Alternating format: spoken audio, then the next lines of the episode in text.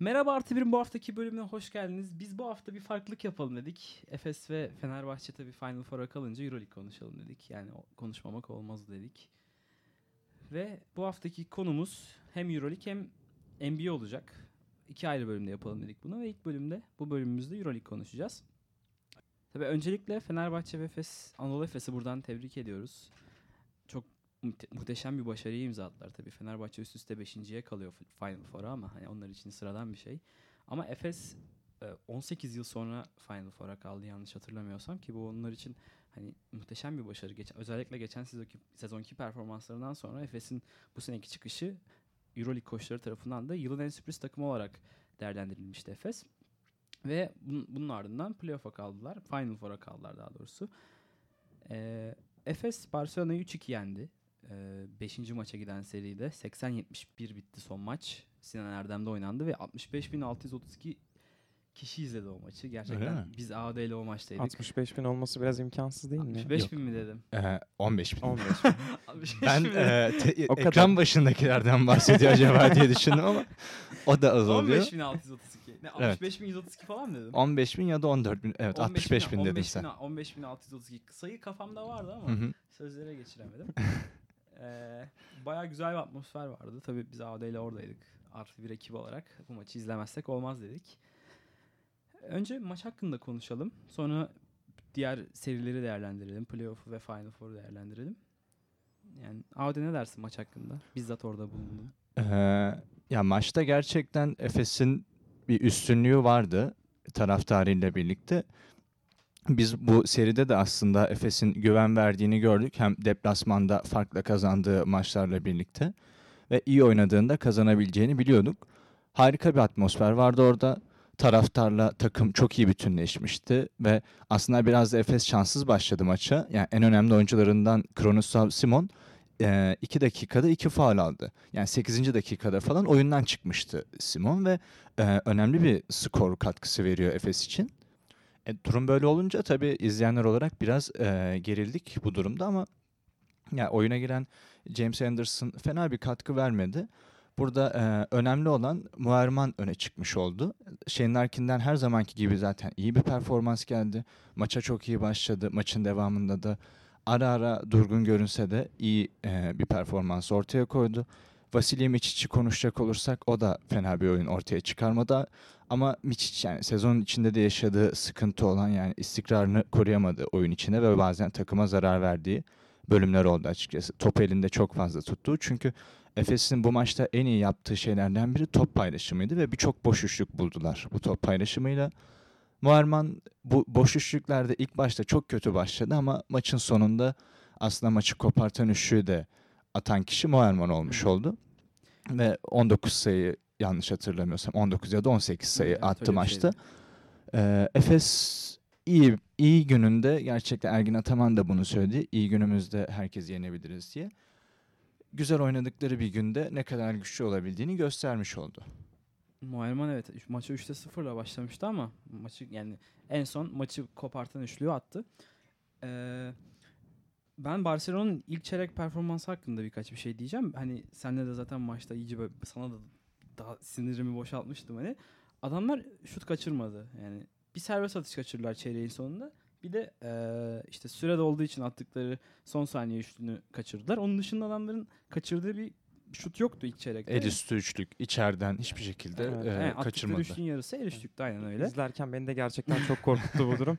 Acaba tüm maç böyle mi Maç devam edecek diye değil? Yani düşünmedim de durması değildi. gerekiyordu artık Evet, yerde. Galiba Öyle çeyrekte. Hani Çok iyi hücum Yani- performansıydı ilk periyot için. Efes tabi ona rağmen hani kendi oyununu korudu ve yani 6 5 5 6 sayı farklı takip etti Barcelona'yı. Sonra e, oradan geri dönüp e, öne geçti ve bu üstünlüğünü maç sonuna kadar korudu. Yani Efes bunu yaptığı için aslında e, kendilerinin de üstüne çıktılar. Yani normalde Efes'i hani bu şekilde bir oyunda tempo temposunu koruyamayan, e, oyundan kopan bir takım olarak biliyorduk. E, tabii bu sezon bunu iyice geliştirer ama bu maçla birlikte Efes'in artık başka bir kademeye çıktığını görmüş olduk. Ee, ben Efes'in e, üçlük oyunundan biraz konuşmak istiyorum. Hani Efes sanırım 36 veya 39 üçlük denedi bu maçta ki denediği ikilik sayısı 15 falandı. Öz- özellikle ilk iki periyotta e, neredeyse iki sayılık atıştan iki, e, iki sayılık atışın iki katından daha fazla üç sayı atış kullanmışlardı. Evet, evet olabilir. Ki yüzde olarak da en azından fena değildi. E, başa baş bir oyun vardı skor olarak. Ee, yani ben biraz bu Efes'in bu üçlük performa üçlük e, üçlüye olan odak yani üçlüye odaklanmasını biraz NBA'deki bu gelişmelere yorumluyorum. Yani Ergin Ataman şu an NBA'deki bu üçlük furyasını e, Efes'e adapte etmeye çalışıyor. Bu arada 39 üçlük denemiş Efes, 15'te ikilik denemiş. Yani yani iki buçuk katı falan neredeyse. evet. Ve Efes e, bu üçlü aslında NBA'deki gibi hani işte direkt topu hızlıca getirelim işte bir pick and pop sonra direkt üçlük falan yapmıyor hani. Efes topu paylaşarak üçlük atıyor ve boş adamı bulma konusunda hani şu an Euroleague'in en iyi takımlarından biri olarak görüyorum. Hani öyle ya da böyle o boş adamı buluyor Efes. Ya Hani sab- sabırla hücum ediyor sabırla aslında. hücum ediyor evet. Hani Miçic 3. 4. çeyreğin sonunda sen ne demiştin? Top eee, işte topu çok elinde tuttu falan. Hani hatalar yapmıştı ve hani bir de top kaybı olmuştu. Hani maç gidiyor mu falan diye düşünmüştük hatta. Hani böyle bir durumda hemen Ergin Ataman Micic'i çıkartıp Bobo'ya alıyor. Hani eee, se- se- seçenekleri de çok Efes'in ve hani eee, bu sayede Efes bu oyununu bir üst kademeye çıkartarak hmm, boş adamları bulma konusunda hiç sıkıntı yaşamıyor. Hatta zaten ceza oyuncu yani ceza kesici oyuncuları olarak da Larkin ve Boboa varken hani e, kilidi açan oyuncular olarak yani e, fazla seçeneği de olunca Efes'in hani üçlük konusunda e, kendilerini gerçekten zorluyorlar. Aslında yani sezon başındaki kadro planlamasında başarılı olduğunu görüyoruz. Bu, Efes'in, bu, ma- evet. bu maçla birlikte de gerçekten çünkü bazen eee oyuncular yani her zaman kilit oyuncularınız o anda skor atamayabiliyor ama onların yanında birkaç böyle çeşitli iyi skorerleriniz olduğu zaman EuroLeague'de başarılı olmak işten bile değil ki Boba da hani daha önceki kariyerinde de her zaman hani takımına liderlik yapmış bir oyuncu. Burada kenardan gelerek ya da e, yani ilk beşte başlıyor tabii ama biraz daha yan bir oyuncu rolünde gayet iyi katkı veriyor ki orada da uzun süre oynamadıktan sonra yani bir süre kenarda durduktan sonra girdiği anda Son bir şeyin skor katkısı verdi. falan girdi ve üçlü Evet, attı evet. direkt zaten. hani Orada da girince. girdiği gibi e, iyi bir skor katkısı verdi. Savunma konusunda Efes işte çok sıkıntı yaşadı. Ve Zaten rebound. hani yani tamam Ama rebound Barcelona'nın- konusu da biraz Barcelona'nın aşırı cüsseli olmasından kaynaklı Ya. bence. Ya pota altınızda işte Tomic, Sarapen, işte Singleton, Evet. Oriola gibi hani gerçekten kalıplı dört uzunla oynadığınız zaman işte Dunstan'ın ve Moerman'ı ki normalde e, ne kadar çok rebound topladığını biliyoruz bu ikilinin. Yani çok sorun yaşadılar. Özellikle 5. maçta e, neredeyse kaçan her topu tekrar alıp ikinci bir ş- e, şut şansı buldu Barcelona. Kesinlikle öyle. Yani bir yerden sonra e, o durumu da aslında çözdüler ama yani Dunstan çok fazla oyunda kaldı. Uzun uzun süre skor atmadı ama e, savunma katkısından dolayı verdi. kaldı. Yani sırtı dönük oynatmadı hiçbir oyuncusuna. Serafen falan ittiremedi yani Dunstan'ı. Evet. E, bakalım Final Four'da ne olacak bu rebound sorunu Efes. Ben burada bir ekleme yapmak istiyorum. Daha doğrusu eklemeden ziyade aslında biraz da teşekkür gibi olacak bence. Çünkü Ergin Ataman e, geçen sene yine Anadolu Efes'in başındaydı. Ve Anadolu Efes geçen seneyi gerçekten çok kötü bir şekilde son sırada bitirdi. Böyle bir takımı alıp hani sadece e, 4 oyuncusu yanlış hatırlamıyorsam geçen seneden kaldı. Üstüne hep yeni takviyeler geldi. Yani neredeyse tamamen yepyeni bir takım oluşturdu. E, o kimyanın bir şekilde kurulmasını sağladı ve çok güzel bir oyun stili oluşturdu bence. Mesela baktığımızda e, çoğunlukla işte e, James Anderson'ın e, bench'ten geldiğini, işte Larkin'in zaman zaman bench'ten geldiğini gördük sene içinde playoff'larda da. İşte Boboa'nın kenardan başlayıp oyuna girdiğini gördük. Hiçbir zaman bu oyuncuları oyuna küstürmedi ve e, hep onlardan maksimum verimi almayı bir şekilde başardı. Artı az önce Umur'un da bahsettiği gibi bu Efes'in 3 sayılık oyuna yönelmesinin belki de en büyük sebeplerinden bir tanesi Ergin Ataman'ın sene başına kurduğu kadroydu bence. Çünkü baktığımız zaman hani kısalarından uzunlarına herkesten bir şekilde 3 sayı katkısı alabilecek bir kadroydu. İşte Moerman'ın hep o ceza şutlarını kesebildiğini biliyorduk. Ee, ki bu sene belki de e, en iyi yaptığı işlerden birisi buydu. O mücadeleci yapısı ve işte gerektiğinde dışarıdan kestiği cezalarla. İşte Tibor Plyce'ın yine çok kritik yerlerde hep 3 sayıya çıkıp oyunu açıp bir şekilde cezalandırdığını gördük. İşte Anderson'a girdiğinde atması, işte Shane Larkin'in açıldığında durdurulamaması, Mitch için oyunu müthiş bir yere taşıması bence tamamen Ergin Ataman'ın çok iyi planlanmasına oluşan eee, bir durum ve Efes bunun meyvesini çok iyi aldı diye düşünüyorum. Final Four'da eee, gerçekten büyük bir ödül oldu Efes için bence. Evet, ya bu, bu Ergin Ataman'a açtığım parantez çok doğru oldu. Kendisi böyle bir koç aslında. Bunu Galatasaray'da da yapmıştı. Yani çok fazla yıldız olmayan oyuncuları ama yeteneği, yeteneği belli olan, takıma uyumu belli olan oyuncuları toplayıp onlardan güzel bir kadro çıkarmayı ve dediğin gibi herkesten maksimum verim almayı çok iyi başarıyor. Galatasaray'da yani 7 kişiyle kazandığı önemli maçlar oluyordu. Evet, Çok Euro Cup kazanılan Ha, senede aynen öyle. özellikle. Aynen öyle. O sezon hani bir playoff maçında yanlış hatırlamıyorsam 7 kişi oyna, oynayıp da kazanmıştı Evet, şey. evet, doğru. E, playoff'a kalırken mi öyle bir durum vardı. Ergin Ataman bunu çok iyi başaran bir koç. Efes'te de başarmaya devam ediyor. Beşiktaş'ta Euro Challenge aldı. Galatasaray'da Euro Cup aldı.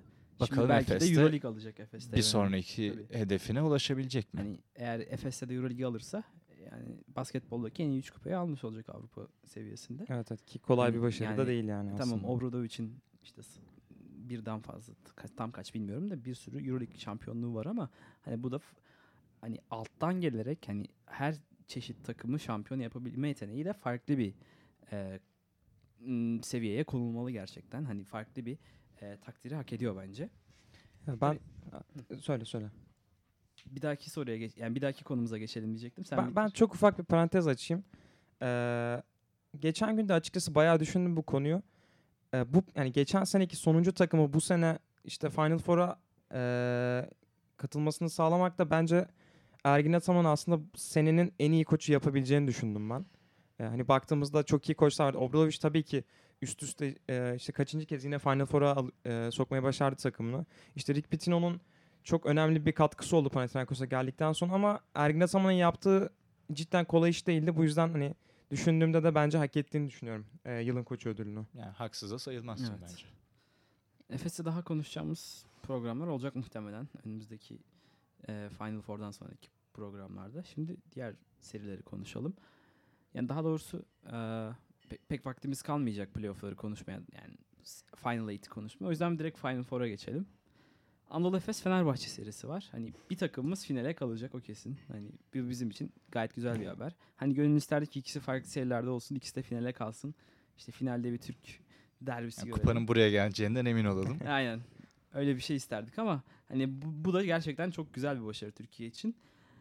Yani Ergin Ataman hani bu kadroyu Fenerbahçe için Fenerbahçe'ye yani yolun bir kısmında yani yolun bir noktasında Fenerbahçe ile karşılaşacağını biliyordu Ergin Ataman bu EuroLeague yani EuroLeague şampiyonluğuna giden yolda ve bu kadroyu daha çok Fenerbahçe ile karşılaştığında onları yenebilmek için kurdu. Evet zaten sene başında bir açıklaması vardı Ergin Evet. Ataman'ın bir röportajda. Hani takıma yapılan transferleri neye göre yaptığınız şeklinde bir soru gelmişti. O da aynı, aynen şu cevabı verdi. Evet Fenerbahçe Avrupa'nın en iyi takımı ve bizim aynı zamanda işte gerek ligde gerek Euroleague'de gerekse Türkiye Kupası'nda hep en büyük rakibimiz. Dolayısıyla biz bu kadroyu kurarken e, Fenerbahçe'yi nasıl ters gelecek bir takım kurabiliriz diyerek kurduk dedi. Ki bunu e, az- Sezon içinde de ters geldi. Evet sezon içinde de gördük işte gerek Euroleague'de gerek ligde olsun Fenerbahçe'ye ne kadar zorluk çıkarabileceğini gördük bu takımında. Fenerbahçe'nin ilk yarıdaki tek mağlubiyeti zaten Efes'eydi. Yani şu an Ergin Ataman istediğini aldı. Hani yolun o noktasına geldi ve Fenerbahçe karşısında ki kurduğu takım da Fenerbahçe'ye karşı bir karşı kurduğu bir takım. Hani tabi burada Fenerbahçe 5 yıl üst üste Final Four'a kalma başarısı göstermiş. Hani artık yani Avrupa'nın en istikrarlı takımı desek yalan olmaz. Real Madrid'le birlikte, CSKA ile birlikte tabi. Yani çok ilginç bir seri olacak. Seri değil, maç olacak. Bir an aklım NBA'ye kaydı. Çok ilginç bir maç olacak. Hani eee, önce Audio ile başlayalım. Yani bu seri hakkında ne dersin? Ya öncelikle gerçekten Türk basketbolu adına çok izlemesi keyifli. İki takımımızın Final Four'da olması. İki takımımıza da o yüzden tebrik ediyorum. Yani e, bizi gururlandırıyorlar ve bir şekilde finalde yine bir Türk takımı izleyecek olmak gayet güzel bir duygu. Fenerbahçe'den başlayacak olursak yani Efes'i bayağı konuştuk. Fenerbahçe Umur senin de dediğin gibi 5 senedir buradalar ve artık Yani insanlar şaşırmıyor Fenerbahçe'nin burada olmasına ve sezon başında e, Final Four'a kalmasına hemen hemen kesin gözüyle bakılıyor Fenerbahçe'nin. Gerçekten çok iyi bir kadro kurdular. Avrupa'nın en iyi koçu bence Obradovic var başlarında ve bir şekilde bir oyuncuyu öne çıkarmadan bütün oyuncularından katkı alarak kazanmak diyeceksek akla gelecek diğer isim de az önce Ergin Ataman'dan bahsettik. Obradovic bence. Ve sezon içinde de hani birçok maçta farklı oyuncuların öne çıktığını gördük. Hatta bu sezon değil son yıllarda. Ee, o yüzden ben tecrübesiyle ve kadro derinliğiyle birlikte Fenerbahçe'nin bu maç için biraz daha önde olduğunu düşünüyorum açıkçası. Yani e, tahminimce burada e, tökezlemeyecektir. Her ne kadar Ergin Ataman sezon içinde başarılı olmuş olsa da o kurduğu kadroda Fenerbahçe'ye karşı oynamakta. Bence Fenerbahçe tecrübesiyle ve öne çıkan oyuncularıyla bu maçı alacak gibi duruyor. Tabi burada Fenerbahçe'nin eksikleri var. Datome sakatlandı. Evet, da belli değil sanırım Evet, Datome'nin Evet, şüpheli oynayıp oynayamayacağı. oynayıp oynayamayacağı. Lovren kesin olarak oynamayacağı Aynen. açıklandı. Lovren zaten sezon boyu yoktu. Bir şey daha vardı sanki. Şu an hatırlayamıyorum. Tyler Ennis falan mı? Ee, Hani yok, O değil de. zaten ayağını kırmış. Veseli'nin Yani- durumu belli değil diyorlardı Veseli ama olabilir. büyük ihtimal belki. oynar gibi Oynayacak mı? hissediyorum ya. Veseli Yani Veseli o maçta Böyle o şeyleri maçların- kaçırmayı evet, sevmiyor evet. çünkü. Ee, Veselisiz zaten bayağı işi zor olur Fenerbahçe'nin hani. Yani potu altında. Veseli için sakat oynamak sıkıntı olmaz yani öyle tahmin ediyorum. özellikle ben. Efes maçıysa. Muhtemelen öyle. Ee, Fenerbahçe'nin eksikleri önemli olacak burada. Bakalım göreceğiz. Dediğim gibi tecrübe daha ağır basacak gibi geliyor bana. Jordi sen ne diyorsun? Ben de genel olarak şeyden bahsedeyim. Sezon içinde evet Fenerbahçe en büyük şampiyonluk adaylarından birisiydi ama işte sezon içinde çok fazla kayıp yaşadılar. İşte önce Enis'in sakatlanması, daha sonra işte Lovren'in sakatlanması, Veseli'nin sakatlayıp iyileşmesi, işte Sulukas'ın problemleri falan derken Fenerbahçe aslında kolay bir yoldan da gelmedi buraya. Hani bu kadar sakata rağmen Obradovic hani gerçekten o sihrini yaptı ve her maçta birini bir şekilde e, ortaya çıkartarak maçları teker teker kazanmayı bildi ve normal sezonda birinci sırada geçtiler. İşte playoff turunda da Zalgiris eledikten sonra e, her zamanki gibi en iddialı şekilde Final Four'a geldiler. E, çok e, biz de işte az önce de konuştuk. Beşinci kere üst üste kalıyorlar Final, e, Final Four'a. Artık çok tecrübeliler burada ve Obradovic gibi Avrupa'nın en iyi koçları varken e, buralarda ben çok fazla zorlanacaklarını düşünmüyorum. Her ne kadar eksikler olsa da bir şekilde Obradovic bunları tolere edecektir ve e, Fenerbahçe finali bence zorlayacaktır. Efes'e göre e, daha avantajlı olduğunu düşünüyorum. Ki Veseli'nin performansı bence bu maçta en belirleyici faktör olacak. E, işte potu altında Dunstan'la çekişmesini çok bil- gördük sene içinde de. Zaten kısalardan alınan performans belli son zamanlar. İşte Sulukas, e, Guduric çok iyi durumdalar şu anda. E, güzel bir maç olacak. Bizim için de tabii e, finalde bir takımımızın olması gerçekten Avda senin de dediğin gibi bizi çok mutlu ediyor. Güzel bir maç izleyeceğiz bakalım. Heyecanlıyız. Yani normalde Fenerbahçe hani e, normal sezonda birinci bitirmeye alışık bir takım değil. Yani, yani ilk dörtte bitiriyor, ilk üçte bitiriyor genelde ama yani genelde işte üçüncü ve dördüncü sıralarda bitiriyor normal sezonu. O, sezon içinde o istikrarı göster- gösteremiyor bazen ama bu istikrarsızlığın aslında istikrarsızlık yani Obradovic onu e, alınan ders olarak yorum- yorumluyor ve ki gerçekten Fenerbahçe bu maçlardan ders alıp e, bunları e, Final Four'da çok iyi bir şekilde e, karşı, karşılığını alarak şampiyonluğu ve şampo, şampiyonluğa veya finale kadar gidiyordu e, geçen sezonlarda. Bu sezon Fenerbahçe normal sezonu birinci bitirdi. Hani e, ve aslında bana yani sezon boyunca böyle geçti. Bu, yani sezon boyunca birinciydi ve ben beklemiyordum açıkçası birinci bitirmesini. Çünkü CSK ve hani Real, e, Real Madrid daha yani yıllar boyu hep birinci bitiren takımlar olduğu için yine bir birinci bitirir havası vardı bende ama Fenerbahçe birinci bitirdi ve onları hani daha bir psikolojik bir avantaj sağlamış olabilir tabii. Hiç uzun zamandır alışık olmadıkları bir şey. Yani Final Four'a kalmaktan çok bir mutluluk duymuyorlardır muhtemelen ama belki bu ekstra bir mutluluk vermiş olabilir. Uzun süre namağlup gittiler. Evet. Ya da tek evinde, mağlubiyetle evinde gittiler. yenilmedi zaten Fenerbahçe bu Evet. sezon. Hani ligin ilk yarısında sadece Efes'e yenildi. 14 galibiyet, bir mağlubiyetle bitirdi. Sonra bir e, Baskonya mağlubiyeti mi olmuştu Fenerbahçe'nin? Öyle olması lazım. Evet. Ben iki mağlubiyetle mi bitirmişti? Üç, mü- üç müydü? Öyle bir şeydi. Ben de hiç emin değilim. Yani Fenerbahçe bir onun av- avantajıyla geliyor. Tabii sakatlıklar var. Ee, sakatlıklar yani yani her zaman oluyor. Yani ona maalesef bir şey yapamıyoruz ama Fenerbahçe hani sezon boyunca hani farklı oyuncularını sizin dediğiniz gibi öne çıkarmayı başardı. Bobby Dixon öne çıktı bazen. Bazen Sulukas çıktı işte.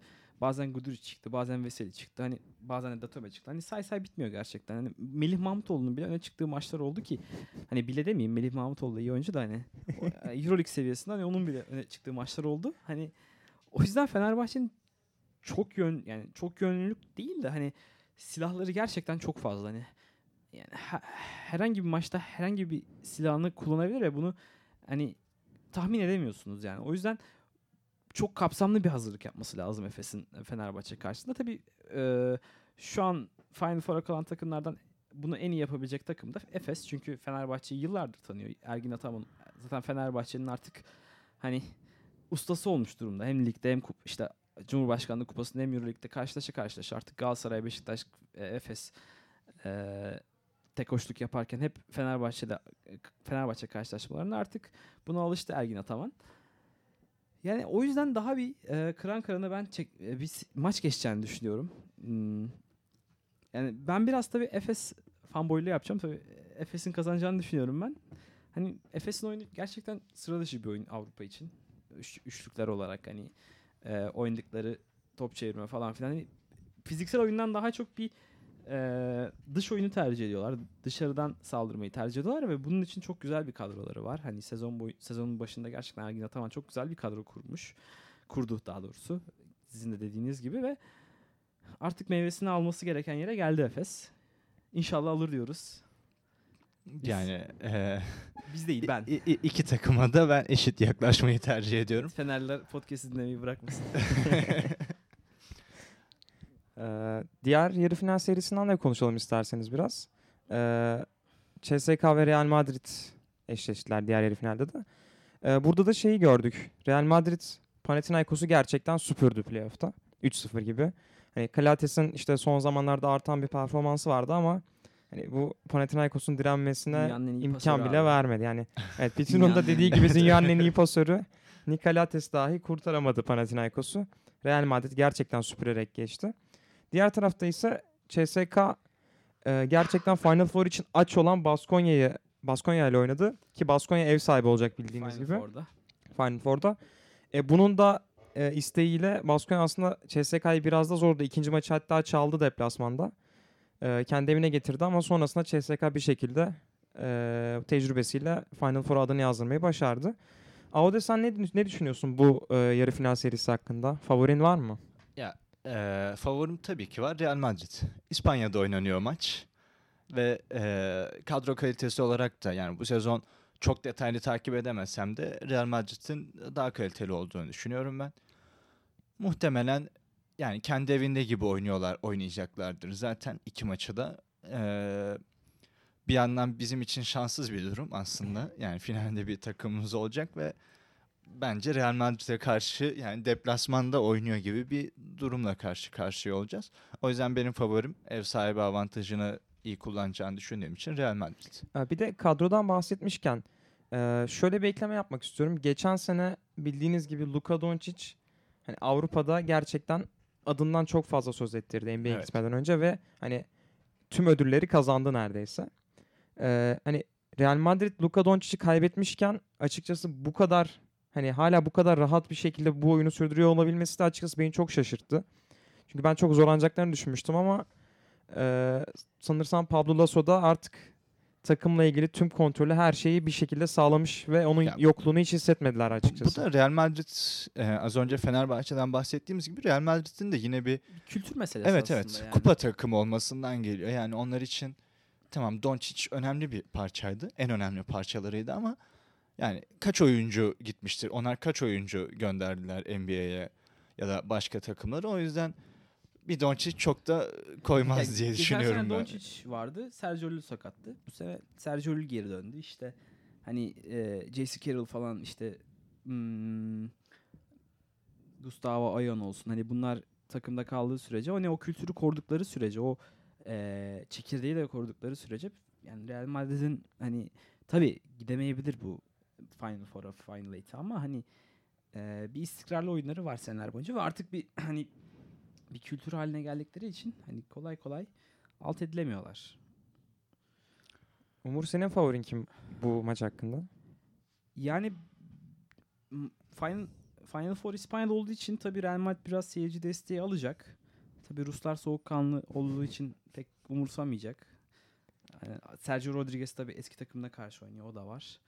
İlginç bir seri olacak bu da Fenerbahçe Efes serisi gibi. Ama ben eee Real Madrid'in alacağını düşünüyorum sizin gibi. Çünkü eee, yani CSK'nın kadrosunu biraz daha sığ buluyorum açıkçası. Yani e, Nando De Colo var. E, Sergio Rodriguez'le birlikte guard pozisyonunda. Will Clyburn var. Darüşşafaka'dan gitmişti CSK'ya. Hani onun dışında Kyle Hines var. Tabii pivot oynuyor ama pozisyon için biraz kısa bir oyuncu.